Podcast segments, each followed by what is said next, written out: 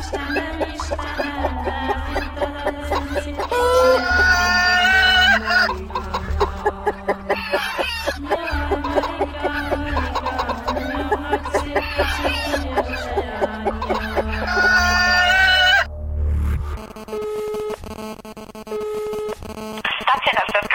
dobry. Dzień dobry. Czy może mi pani powiedzieć, do której państwo macie otwarte e, w weekendy i w dzień powszedni? Proszę pana do, do, od godziny 8 do 21, każdego dnia. Aha, czyli normalnie jest oświetlone, stąd Tak, można tak. jeździć. Mhm. Tak, tak. A, a czy ta chatka do wynajęcia, to, to ona już pewnie będzie zajęta, no nie? Bo to... Wie pan co, ja panu coś powiem. Zaraz panu powiem, wezmę grafik, panu powiem na jaki, w jakim terminie byłaby wolna. Mhm. Proszę pana, dopiero byłaby możliwość od 20 lutego. Mhm. Mhm. Dobrze, a proszę mi powiedzieć, czy, czy ten y, orczyk na samej górze, on tam y, działa? Czy tam jest odpowiednia ilość śniegu? Orczyk działa od godziny 8 do godziny 16, 16.30 w tej granicy. Zależy Aha, jak, do- je, jak jest mrok, czy jak wcześniej, no to wcześniej jest o 16. Bo Aha. czasami jest do tej 16.30, w zależności jak, jak tam mrok przy, zajdzie na Rozumiem, na rozumiem, bo tam nie jest sposób. oświetlone po prostu. Nie, to nie ma oświetlone, Mhm. oczywiście. Dobra, no to y, serdecznie dziękuję za informację w takim razie i pozdrawiam. Do widzenia. Skoro jeden z moich ulubionych stoków narciarskich jest już otwarty i wszyscy jeżdżą aż do godziny 21, uważam niniejszym tegoroczny sezon filmowo-zimowo-narciarski za otwarty. No chociaż mamy już luty. No to dla mnie właśnie się otworzył.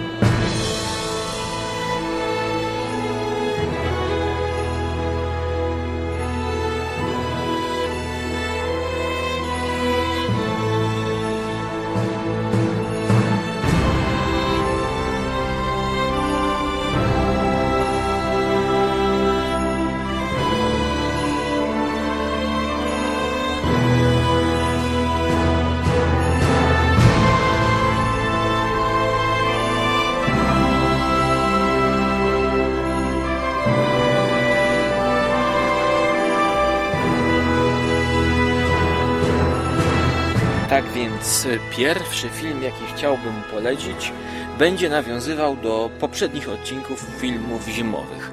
Omówiłem tam norweski horror Cold Prey. Teraz przyszedł czas na część drugą, wyreżyserowaną przez innego reżysera. Film ten zaczyna się tam, gdzie kończy się część pierwsza. Jednak o ile część pierwsza była znakomitym filmem do oglądania podczas wyjazdu narciarskiego w jakiejś e, chacie górskiej na, na skraju ośnieżonego zbocza, to druga część odbiega od tego schematu, bo główna bohaterka przenosi się do szpitala, do którego zostaje przewieziona po szkodach, jakie odniosła w walce ze złym mordercą w części pierwszej. Hallo?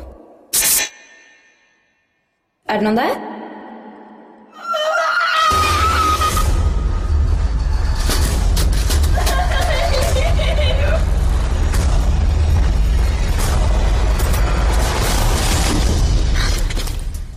Owszem, wszystko nadal dzieje się w zimie, jednak znaczną część e, przeważają zdjęcia w szpitalu. E, Mamy do czynienia znowu ze slasherem. Ku nieszczęściu głównej bohaterki również zabity przez nią morderca, szaleniec zostaje do tego szpitala przewieziony. No, facet wydaje się martwy. Jednak, jak to bywa w slasherze, y, za pomocą tajemniczych sił powstaje z grobu. No, tak byłoby w typowym slasherze. Natomiast w filmie Frit Wild części drugiej jest coś, co właściwie, no ja chyba nie mogę sobie przypomnieć wcześniej takich przypadków, ale ja to kojarzę po raz pierwszy.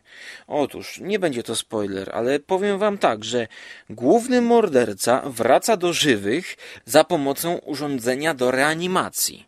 W jakiś sposób udaje się zreanimować specjalnymi elektrodami, wstrząsami tego człowieka i on ożywa, więc jest tutaj ciekawy motyw, no, który właściwie ja widziałem, no, ja chyba widziałem pierwszy raz w życiu.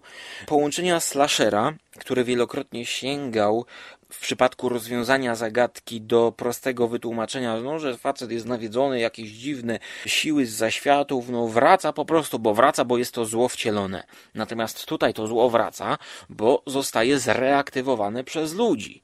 No więc jest to bardzo ciekawy punkt wyjściowy. No, sam punkt wyjściowy w sobie jest ciekawy, ale potem już um, zaczyna być bardziej standardowo. Jednak wydaje mi się, że poziom jest utrzymany i ocena 6 na 10, czyli dobry, porządnie zrobiony film dla fanów tego gatunku jest jak najbardziej do obejrzenia. Jeśli ktoś lubi takie kino, gdzie y, zabili go i uciekł y, z siekierą, którą potem wbił w plecy komuś, no to może obejrzeć drugą część Cold Prey, czyli Mroźnej Zimy.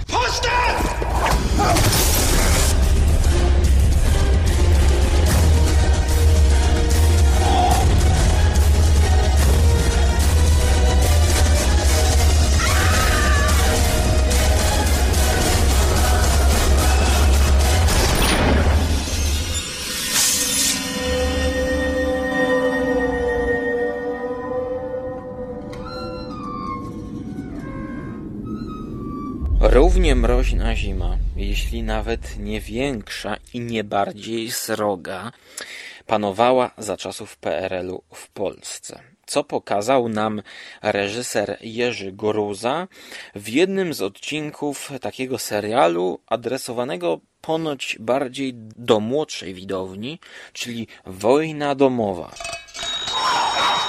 Dzień dobry. Dzień dobry. Zbieram chleb suchy dla konia. Nie, u nas nigdy nic nie zostaje. Syn wszystko zjada. Paweł? Mowa o odcinku Zagraniczny gość, w którym to w okresie zimowym naszą rodzinkę odwiedza kuzyn z Anglii, Ja jestem twoja ciotka. Ciotka Zofia. How do you do? Co jest dobrym pomysłem, aby pokazać właśnie ówczesny świat, smutny, szary, perelowski w konwencji komediowej z perspektywy zewnętrznej, jakiegoś obserwatora, który ma jakiś dystans. I właściwie można powiedzieć, że zima pełni tutaj dosyć kluczową rolę w niektórych momentach. Szczególnie jest to widoczne, kiedy zabierają kuzyna na wycieczkę autobusem po Warszawie. No, kto już by się nie skusił na wycieczkę prowadzoną przez pana Federowicza, który znakomicie opowiada o różnych atrakcjach, jakie widać za autobusem. Dzień dobry Państwu. Witam Państwa serdecznie na spotkaniu z Warszawą zorganizowanym przez nasze biuro turystyczne. Przy kierownicy kierowca pierwszej kategorii Zenon Maciejak, przy mikrofonie przewodnik dyplomowany Jan Cybulski. Daty, fakty, anegdoty. Widać za autobusem w cudzysłowiu, ponieważ no niezbyt widać, bo śnieżyca nawala tak, że zamarzają wszystkie szyby i przez małą zeskrobaną dziurkę no niewiele widać. Budynek, który Państwo widzieli chwilą jest to Pałac Kultury. Budynku tej skali Warszawa nigdy dotąd jeszcze nie posiadała. Wysokość 234,5 metra, kubatura 3 hektary, pracuje w nim 20 tysięcy ludzi. Gdzie ten pałac? Pałac? Pałac był przedtem. Teraz jesteśmy już... y, Ty lepiej słuchaj przewodnika, to się dowiesz, że jesteśmy. I cała ta sytuacja właściwie pokazuje nam, że tak naprawdę, no co tu w Warszawie w PRL-u oglądać? No Pałac Kultury. A kiedy wreszcie udaje się wyjść z tego autobusu, no to wszyscy wpadają po pachy do śniegu. Tak się kończy ta znakomita scena, śmieszna, naprawdę wzbudzająca śmiech za pomocą, no bezkompromisowego przewodnika wycieczki. Oto kolumna Zygmunta. Stoi ona w naszym mieście już 322 lata. W dawnych czasach odległość Warszawy od innych punktów na Ziemi mierzono właśnie od tego miejsca. Dziś mierzy się od Poczty Głównej. Program spotkania Poczty Głównej nie przewiduje. A teraz proszę, proszę, proszę uważać. Kolumnę postawił król Władysław IV.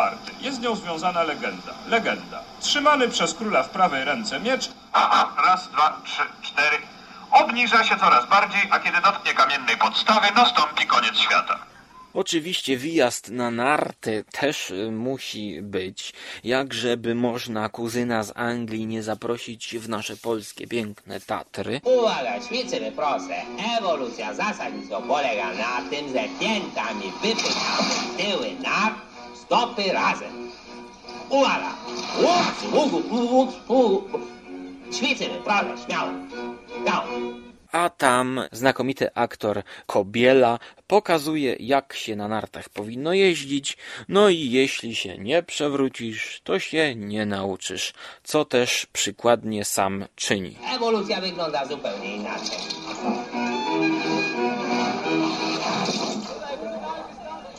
Jak się nie wywrócisz, to się nie nauczysz. O! Świetny odcinek, znakomity, wyjątkowy odcinek, który można oglądać w oderwaniu właściwie od całości serialu. Jeżeli ktoś dawno to kiedyś oglądał, to zachęcam, żeby obejrzeć tę część i zobaczyć, że jednak to nie był taki banalny film dla, dla młodzieży, o sprawach młodzieży. No jest tutaj i humor, i gdzieś zakamuflowana satyra na ówczesne czasy. Co, czytacie gazety? Próbuję, ale mało rozumiem. Jak książki czytam, to rozumiem. Ale gazety nie. Tak, a czego nie rozumiecie? Może ja pomogę wam? My nie rozumiemy headlines. A my też nie. Dziełem, które zostawiłem na koniec tego zbioru filmów zimowych jest film telewizyjny z 2002 roku pod tytułem Shackleton. Jest to film no, dosyć długi, prawie trzygodzinny, podzielony na dwie części, opowiadający o pewnym podróżniku, który w latach dwudziestych wieku XX zdecydował się na wyprawę na Antarktydę. I właściwie przez pierwsze 45 minut obserwujemy starania Shackletona, granego przez bardzo dobrego aktora Kenneth Brana, obserwujemy jego starania o fundusze. Zbiera pieniądze po różnych stowarzyszeniach.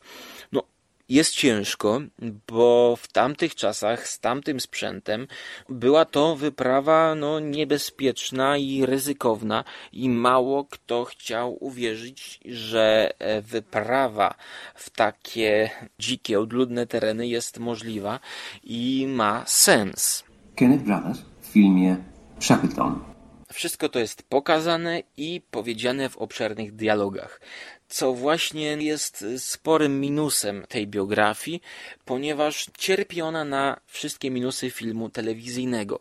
Mamy tutaj troszkę za dużo dialogów, które tłumaczą nam, co bohaterowie chcą zrobić, dlaczego chcą zrobić i dlaczego ktoś nie chce na przykład dofinansować naszego Shackletona. Obiecałeś mi, że już tam nie wrócisz. Sytuacja się zmieniła. Nie mogę już wykładać.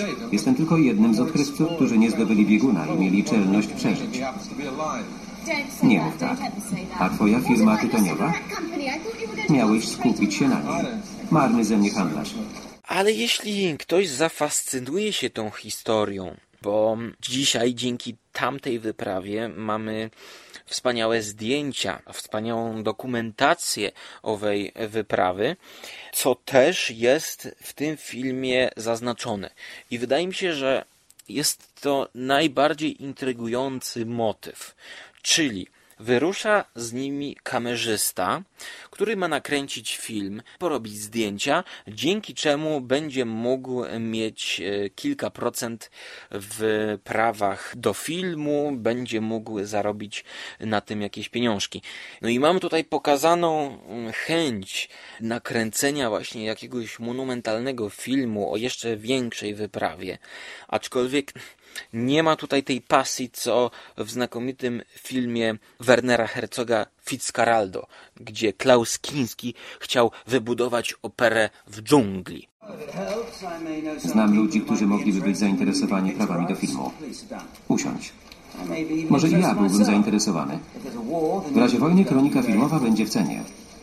Tutaj facet chce po prostu nakręcić film i ten filmowiec jest gdzieś z boku, gdzieś w tle, wszystko nakręca. Od czasu do czasu możemy zobaczyć charakterystyczne zdjęcia, przebitki materiałów i właściwie w kilku scenach, kiedy mamy konflikt, który w dziełach filmowych zwykle jest najciekawszy, jest napięcie, jest coś fascynującego. Nie będzie to spoilerem, no bo mówię teraz o faktach historycznych, oczywiście autentycznych jak najbardziej. technology. Shackletonowi no nie udaje się osiągnąć do końca celu. Jego statek klinuje się gdzieś w krach i muszą go porzucić. Porzucają go, statek tonie, a oni już w drugiej części dalszą podróż muszą odbyć pieszo. No właściwie podróż, no to już jest próba powrotu do, do swoich domów, próba przeżycia. A miało zrobić się cieplej. Może jest cieplej. Kiedy sikałem dziś rano, mocz zamarzał w powietrzu. Nie do wiary. Tak było. Trzeba zadecydować, co zabrać. No i filmy, rolki filmowe są tutaj najbardziej zbędnym elementem. I tutaj właśnie filmowiec próbuje przekonać Kenneth Brana, czyli Shackletona, no, że jednak warto uwiecznić tę wyprawę. Dla tych momentów być może warto ten film obejrzeć. Ale przede wszystkim jest to film, e, myślę, że dla miłośników takich właśnie wypraw. Jeżeli wcześniej poczytamy co nieco o postaci Shackletona, łatwiej nam będzie wejść w tę troszkę taką pokraczną i rozlazłą telewizyjną narrację. Popatrz. Zamarznięty mocz psa. Na co patrzycie? Uważaj, staruszku, pokład zamarza. To zaskakujące ale myślę, że 6 na 10, biorąc pod uwagę dobrą grę głównego bohatera, ten człowiek, niezależnie od tego, czy gra Szekspira, czy gra detektywa Walandera, no to jest w stanie pokazać coś ciekawego i z tej postaci, w którą się wciela, jest w stanie wydobyć jakieś ciekawe emocje, których nie spodziewalibyśmy się zobaczyć. Tak więc dla Kenneth Brana można ten film obejrzeć, no bo jeśli chodzi o styl całego filmu, no to jest styl przeźroczysty. Widzieliście pełno tego typu nakręconych filmów o różnych innych ważnych dla historii sprawach, które to obrazy najczęściej interesują tylko właśnie fanów danego tematu. Pozostałych rolach. Innym filmem zimowym jest również Fanny i Aleksander Ingmara Bergmana, o którym to dziele w innym podcaście możecie słuchać. Też jest tam bardzo dużo śniegu, no a jako, że jest to arcydzieło, no to niezależnie od tego, czy śnieg, czy deszcz, czy lato, czy wiosna, to warto to obejrzeć. A ja tymczasem idę wyszukiwać kolejnych filmów z zimą w tle. I no być może, być może wybiorę się, skoro pani mnie tak zapraszała i zachęcała, że mają takie dobre warunki, na jakiś malutki wypadzik narciarski. Trzymajcie się ciepło.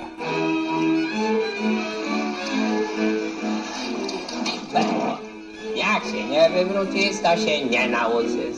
Następny.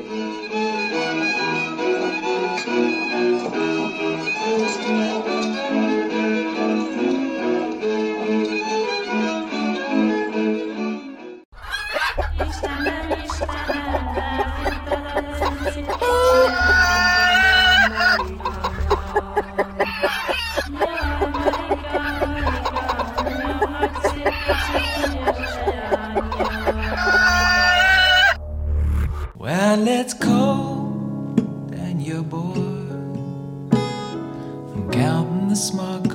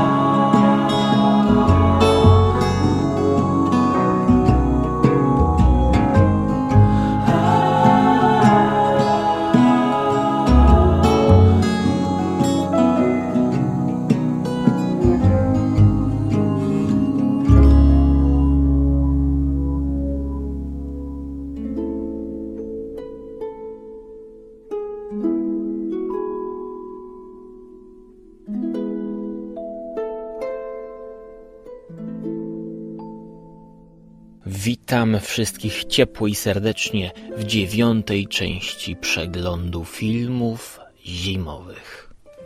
Właśnie wróciłem z jednej z moich ulubionych gór narciarskich, a właściwie tras, czyli Ustroń Czantoria.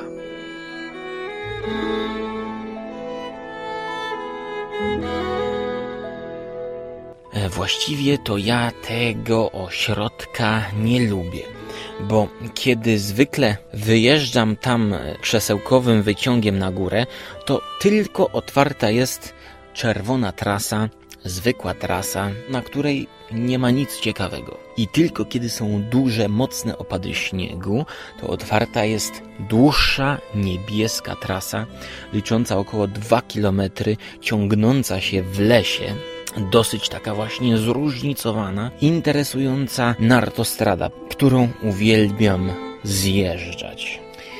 Ale skąd bierze się przyjemność z jazdy akurat tą trasą, opowiem Wam później, bo teraz przejdźmy do filmów z zimą w tle.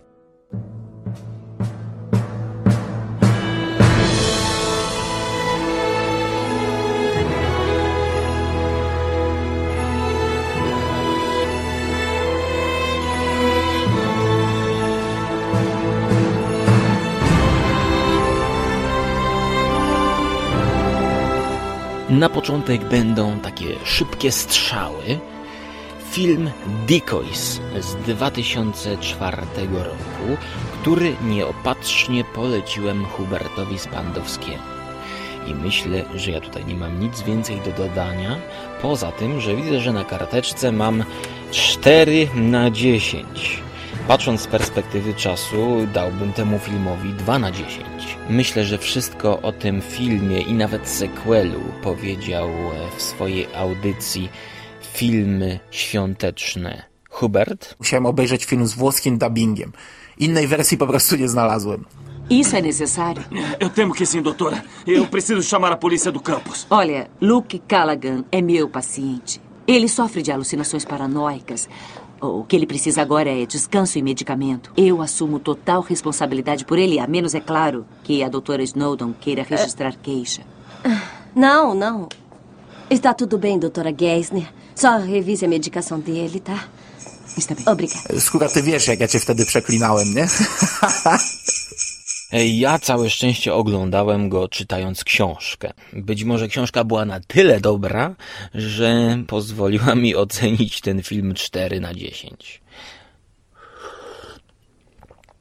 Oczywiście po jeździe na nartach nie ma nic lepszego niż gorąca herbata z cytryną i miodem, która pozwoli przypomnieć mi sobie święta bożonarodzeniowe i wizytę świętego Mikołaja. Akurat w przypadku Silent Night, Deadly Night z 84 roku nie jest to Mikołaj, którego chciałbym spotkać w swoim domu. Powiem tylko szybko, że jest to 6 na 10 opowieść o świętym Mikołaju, który przychodzi podczas zaśnieżonych świąt do twojego domu i chce zrobić ci krzywdę. Jest to jeden z najlepszych filmów horrorów o świętych Mikołajach, tuż obok You Better Watch Out, który jest jeszcze lepszy niż ten film. Silent night, deadly night. Tym krótkim wspomnieniem kończę okres świąt i zanurzam się już całkowicie w zimowej aurze.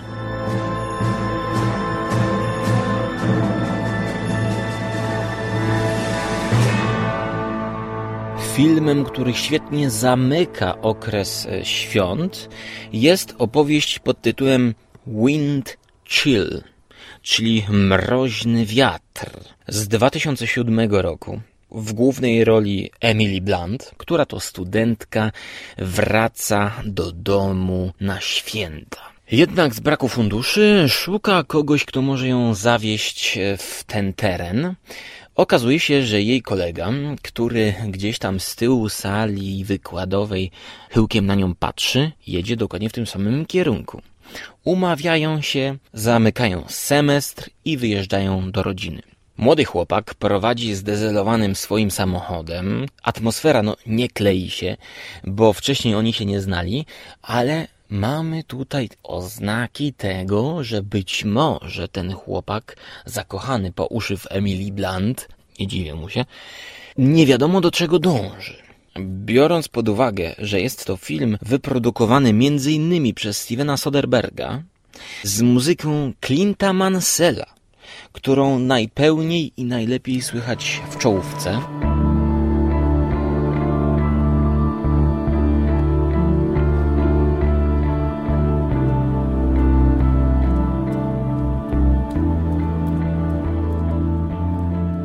To muszę Wam powiedzieć, że pierwsza połowa tego filmu jest znakomita, jest świetna. No, 8 na 10 bym powiedział. Szczególnie ze sceną zatrzaśnięcia się Emily Blunt w przydrożnym barze w toalecie.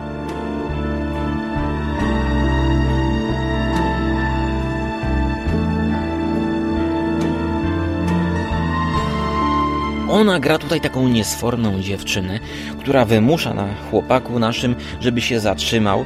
Wiecie, jak to jest w Stanach Zjednoczonych, przy tych ulicach. Nie dość, że śnieg zimą wszystko zasypał, no to te spelunki to są takie, że chyba tylko Stephen King by tam z lubością zjadł hamburgera. A ona chce się wysikać. Kiedy nasz kierowca kupuje coś do picia, to Emily idzie załatwić potrzebę i zatrzaskuje się tam. Słuchajcie, jest to tak świetnie pokazane, że my nie wiemy, czy to przerodzi się w jakąś e, psychozę Hitchcockowską, czy ona będzie tam zamknięta do końca filmu, czy wszyscy obecni w tej gospodzie są w spisku, łącznie z naszym kolegą, i będą teraz się znęcać nad bohaterką, czy to on przygotował wcześniej tą sytuację i ją zatrzasnął, i tutaj, żeby wam nie zepsuć przyjemności, powiem, że udaje jej się jakoś cało wyjść z tego potrzasku. I cały ten fragment jest, no jakby był wyreżyserowany przez samego Stevena Soderberga.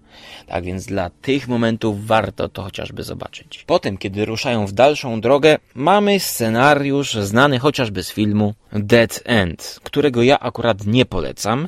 I właśnie Wind Chill jest o wiele lepszą zimową alternatywą dla Dead End z 2003 roku. We had a class together, you know. Intro to modern philosophy. What? There's like a million people in that class. It's like Woodstock. So, uh, are you doing anything over the break? I'm getting that laser eye surgery. But your glasses look so good on you. Nasz kolega, aby przypodobać się pięknej Emily Blunt, jedzie na skróty. Skręca gdzieś w leśną ścieżynę. To jest początkiem ich zguby. O wypadek nie jest trudno na takiej bocznej ścieżce. Well, how can he not see us? Pull over, let the asshole Where do you want me to pull by. over? There's no I don't shoulder. know. Slow down, he's Hold not on, hold on. stopping.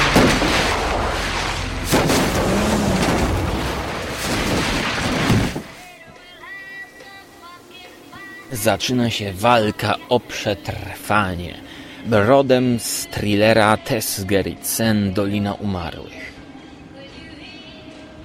Emily podejrzewa kierowcę, że to on wymusił ten wypadek, specjalnie skręcił i chciał mieć możliwość, aby w ten sposób no, rozkochać w sobie tą kobietę. Żeby pokazać teraz, jak on będzie walczył o nią, ratował ją z opresji. Jednak chyba tak do końca nie było, ponieważ ciężko jest zrobić tam cokolwiek. Samochód nie rusza. W środku robi się coraz zimniej. Mile stąd jest cywilizacja. Just calling 911. I'm trying to call 911. Any luck? I can't get a signal.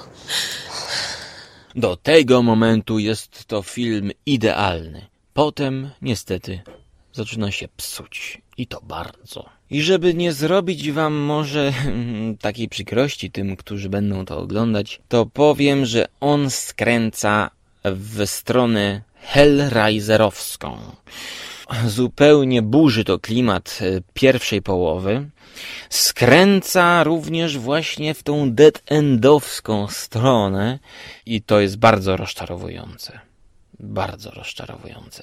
Tam pojawia się potem tyle motywów i jest właściwie zero zaskoczenia, no bo jeżeli ktoś ogląda już Dead End, nawet no bez przesady wystarczy zagubioną autostradę Davida Lyncha, cokolwiek po myślunku, żeby domyśleć się, co też się stało, kiedy oni mieli wypadek, no to jest oczywiste. Dlatego cała dalsza połowa w ogóle nie rozwija fabuły, porzuca wątki miłosne, i powiem wam, że ja już porzucam ten film z taką ambiwalentną oceną. Pierwsza połowa to jest 7 na 10, natomiast druga 5 na 10. Ta druga połowa to jest taki oniryzm dla ubogich. Tutaj wszystko jest łopatą na talerz wyłożone. Hey. It was weird. I just saw some guy who's he's gone. He was A wystarczyłoby, żeby ci państwo mieli biegówki i na biegówkach spokojnie by sobie dotarli do cywilizacji i uratowali się. The National Weather Service has issued a winter storm warning for the entire eastern seaboard. Temperatures will plunge with a wind chill reaching 30 degrees below zero. What the hell is this? Are we lost or something? It's a shortcut. Get back on Calm the highway. down, relax. Pull over. Where do you want me to pull over? There's no Pull shortcut. down.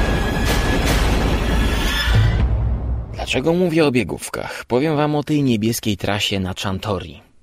Niebieska trasa to jest dosyć łagodna górka, ale mnie nigdy nie pociągało zjeżdżanie z jakichś e, super ostrych, niebezpiecznych tras. Mnie najbardziej pociąga jazda w lesie. To znaczy nie między drzewami, ale w trasie, która jest jakby takim tunelem, po której jadę niczym jak w jakimś leśnym labiryncie. Oczywiście są tam miejsca przy dużej ilości skrętów, gdzie wyłaniają nam się piękne widoki Beskidów. Są tam miejsca, gdzie widzimy e, spadek góry, gdzie widzimy boczne ścieżki, jakieś odnogi, w które niestety nie mamy szansy wjechać. Są tam mosty, po których musimy przejeżdżać i wszystko to właśnie czyni no, jedną z moich ulubionych tras. Obok takiej jednej czeskiej góry i obok Wisły Soszów, o których powiem innym razem. Planujesz wyjazd w Beskidy? Zapraszamy na Soszów w Wiśle Jaworniku. Czteroosobowa kolej linowa czynna przez cały rok. Zimą dla narciarzy i snowboardzistów, a latem dla turystów pieszych. Nocleg i wyżywienie na miejscu. Soszów w Wiśle Jaworniku. Zapraszamy. Dlaczego ja tak lubię te tunele i jazdę w tych tunelach? Jak każdy chyba mały chłopak bawiłem się budując różnego rodzaju fortece, barykady, jakieś tajne przejścia. Zawsze mi to fascynowało. I teraz, kiedy jadę cały schowany i opatulony w ten kombinezon, jeszcze ze słuchawkami na uszach, słuchając odpowiedniej muzyki, to czuję się w jakiś sposób bezpieczny, jest mi ciepło i te przeszkody, które przygotowała dla mnie matka natura w postaci góry, tych zakrętów, zawijasów, nawet tych miejsc, po których trzeba się odpychać kijkami, bo jest taki niewielki spadek, że jak nie będziesz się odpychał, no to staniesz w miejscu. Czuję się wspaniale przy tym, właśnie jakbym cofał się do świata dzieciństwa. I myślałem, że do świata dzieciństwa przeniesie mnie film o jakże wymownym tytule w tym kontekście Barykada. Barricade z 2012 roku. Where's Jake? Jake? There's something out there.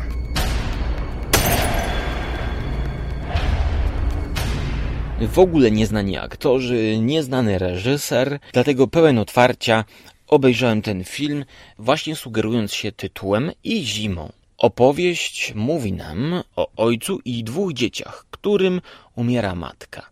Oni e, wyjeżdżają na święta Bożego Narodzenia do domku w górach. Cały jest pięknie zasypany śniegiem i kiedy nasza niepełna niestety rodzinka wysiada przed tym domostwem, to jesteśmy w domu. Chyba każdy chciałby wyjeżdżając na narty zatrzymać się w takiej chacie i cieszyć zimowym szaleństwem. Jednak naszym bohaterom nie będzie to dane. Is it coming for us? If you fall asleep, that's when they'll come. I have to make this house safe for us. Pierwsze 20 minut jest, jest bardzo dobre. Poza tym, że twórcy chcą nas straszyć właściwie wszystkim. Bohaterowie przychodzą za róg, a tam beczka stoi. Ojciec otwiera drzwi, nagle wielkie boom, orkiestra cała nas atakuje, bo akurat przyszedł tutaj e, kustosz, u którego było to wynajmowane mieszkanko i oznajmuje rodzinie, że przygotował to i tamto, ich, ich choinka jest już obrana, a w piwnicy jest dużo mrożonek, możecie sobie jeść. Nie wiem dlaczego, raczej mnie, mnie to rozśmieszyło niż przestraszyło. Zostają oni sami. Wtedy zaczyna dziać się coś niepokojącego.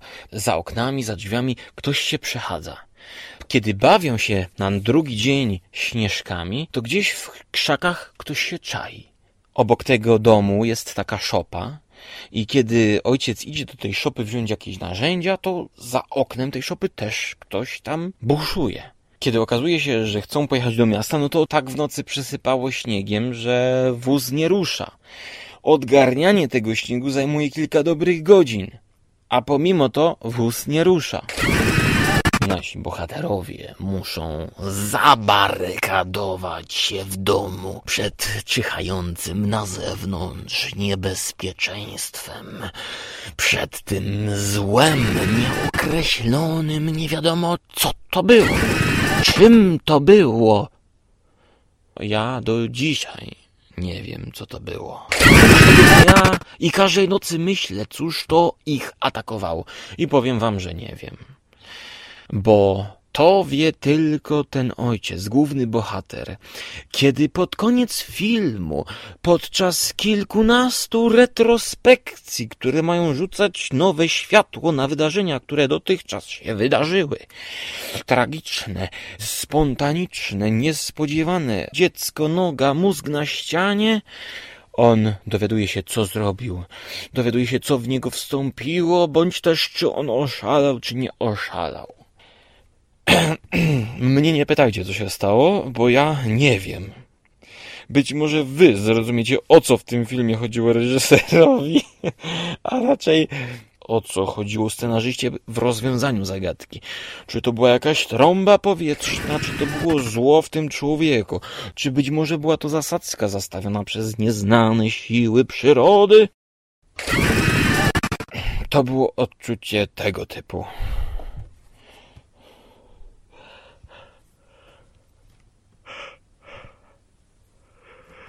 Ugh. Idę już spać. Maybe we didn't lock it out. Maybe we locked it in.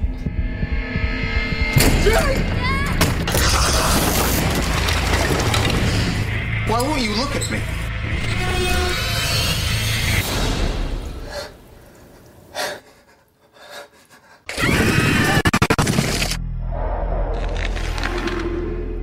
Zostawiając ten film z oceną 4 na 10, którą teraz zaniżam do 3 na 10, proponuję coś lekkiego, co nas oderwie od tej zimy i wysadzi nas w powietrze, a właściwie w kosmos.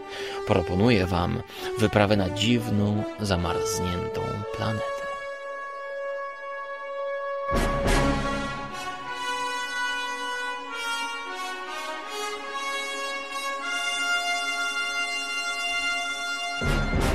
Wraz z ekipą legendarnego serialu Star Trek z lat 60. w odcinku The Naked Time z sezonu pierwszego. Jak to często na początku każdego odcinka, wybieramy się zbadać, co się wydarzyło na tajemniczej planecie. Okazuje się, że nasi dwaj naukowcy ubrani w bardzo cienkie kombinezony, które można by w Polsce spokojnie ubrać na lato i nie bać się o to, że nam zrobi się za gorąco. No ale Star Trek to jest technologia przyszłości, dlatego taka cienka materia potrafiła ich ochronić przed niewiarygodnym mrozem, który właśnie na, na tej planecie nastąpił. Dwóch eksploratorów wchodzi do takiego pomieszczenia całkowicie zamarzniętego. Dwa trupy leżą. Wszystko jest zamarznięte, ale nie wiadomo dlaczego.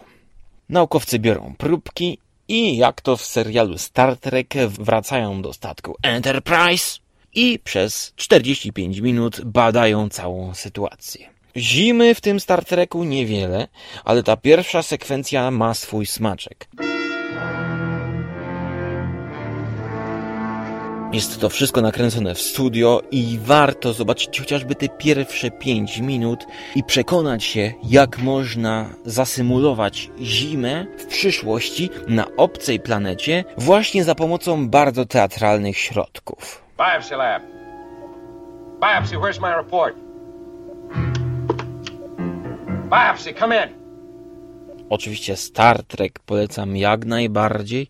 Jest to coś, co można polubić oglądając to właśnie z lekkim przymrużeniem oka, aczkolwiek otwierając się na cały time.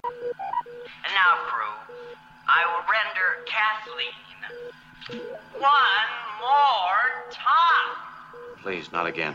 W odcinku Nagi Czas znajdą co nieco miłośnicy epidemii i wirusów, ponieważ no, to jest taki dziwny wirus, okazuje się kilkanaście minut później, który opanowuje powoli całą załogę. I jeśli jesteście ciekawi, czy kapitan Kirk i Spock poradzą sobie z kosmicznym zagrożeniem, to oczywiście zapraszam w mroźny kosmos. Harrison, where's my report? I'm going to the lab. Sir, Yes? the tranquilizer's wearing off. Oh, good. I'll need him conscious now. Continue to examine him on circuits K1 and 3. Of course, Doctor. Podróżować można po kosmosie, ale także po, no, świecie. Albo wręcz można udać się na kraniec świata. Jak to zrobił brytyjski komik, aktor Billy Connolly w czteroodcinkowym dokumentalnym serialu Journey to the Edge of the World. I'm on an adventure. I'm going from the Atlantic to the Pacific. The hard way, above the Arctic Circle. From here, we're going that way. So far, I've already travelled through the fabled Northwest Passage. I am bloody freezing. Podróż na kraniec świata. Ta produkcja BBC po części koresponduje z Himalają Michaela Palina z Monty Pythona. Billy Connolly, podobnie jak Michael, odwiedza różnych ludzi. Wyznaczą sobie podróż na północ Kanady, czyli w okolice Alaski i Antarktyki. I've met some extraordinarily impressive people who I'll remember forever. but now I'm on the final leg of my mammoth 10,000 mile journey across Canada. I'm going to show you scenery that's unbelievably grand. And I'll fulfill an ambition I've had for years. Oh. Spotyka tam różnych Eskimosów, tubylców, przeróżne nacje, rozmawia z nimi, żartuje, jest wyluzowany, mnóstwo ciekawostek dowiadujemy się. Jednak no, jest on mniej dowcipny niż Michael Pellin, nie ma tutaj co porównywać. Billiego na pewno pamiętacie z pierwszoplanowej roli najbardziej sympatycznego i najprzyjemniejszego zombiaka w historii kina, czyli Fido, tak właśnie on go zagrał. I w podróży na kraniec świata możemy obserwować dryfujące lodowce, a także no chyba jedną z najciekawszych scen, kiedy Connolly słucha charakterystycznego gardłowego śpiewu Eskimosów. Słuchajcie, brzmi to niesamowicie.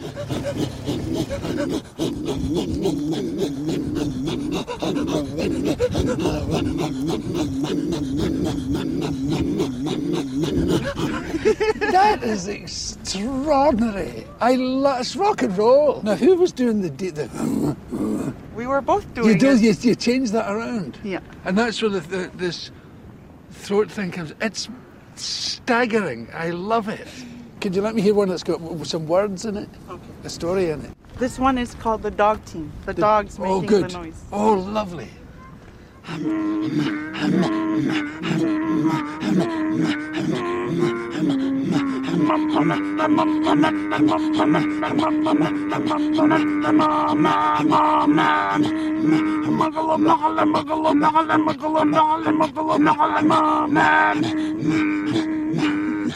Oh, that's my favourite. That is brilliant. It's wonderful. Takes a lot Absolute- of time to practice. Te dwie śpiewające kobiety opatulone są w jakieś barchany i w przerwie z ubrania jednej śpiewaczki wyskakuje nagle dziecko. Na co y, Billy oczywiście reaguje dowcipnie, jest zaskoczony. Posłuchajcie, to jest właśnie przykład tego stylu bycia Connolly'ego, który jest naturalny i otwarty na ludzi spotkanych pierwszy raz na ulicy. Something just jumped on your. There's something living inside your jacket. I, I think he's the one making the noise. She's not singing at all. There's a little guy in here. I absolutely love it. I'd love to. try hear- it? I don't know how to do it. You just use your voice. I go, oh. no, I'm not going to do it. I'm not going to make a film with you. I won't embarrass you for trying it. I'm not doing it. No, leave me alone. Give me a wee bit of the dog one again. Please do a wee bit more of the dog one.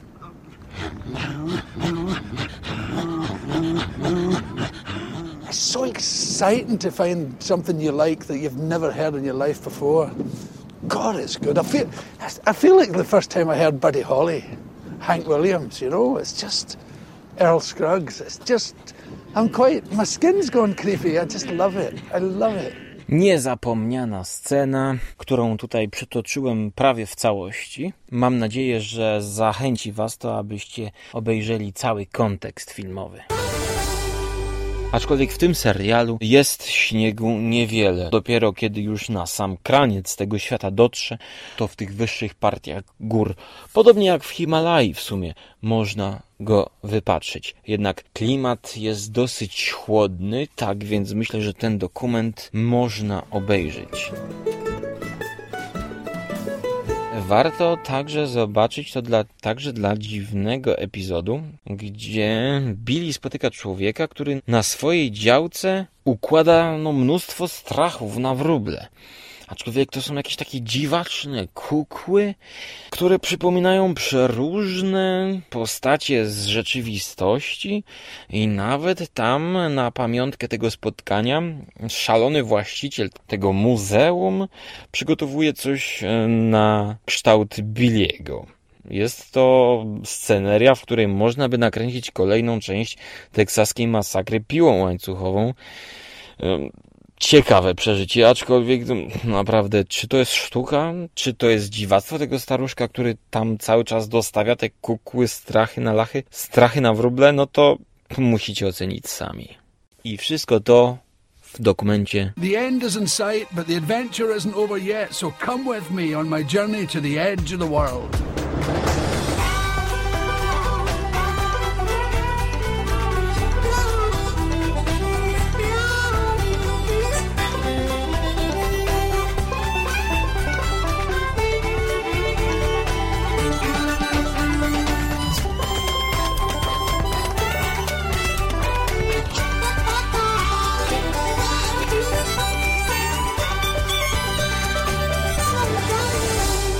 Na dzisiaj żegnam Was już, ale wybieram się na narty w Karkonosze do Szklarskiej Poręby.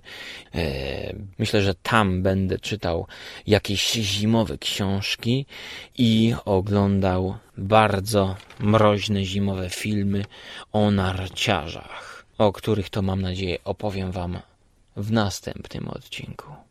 Trzymajcie się ciepło.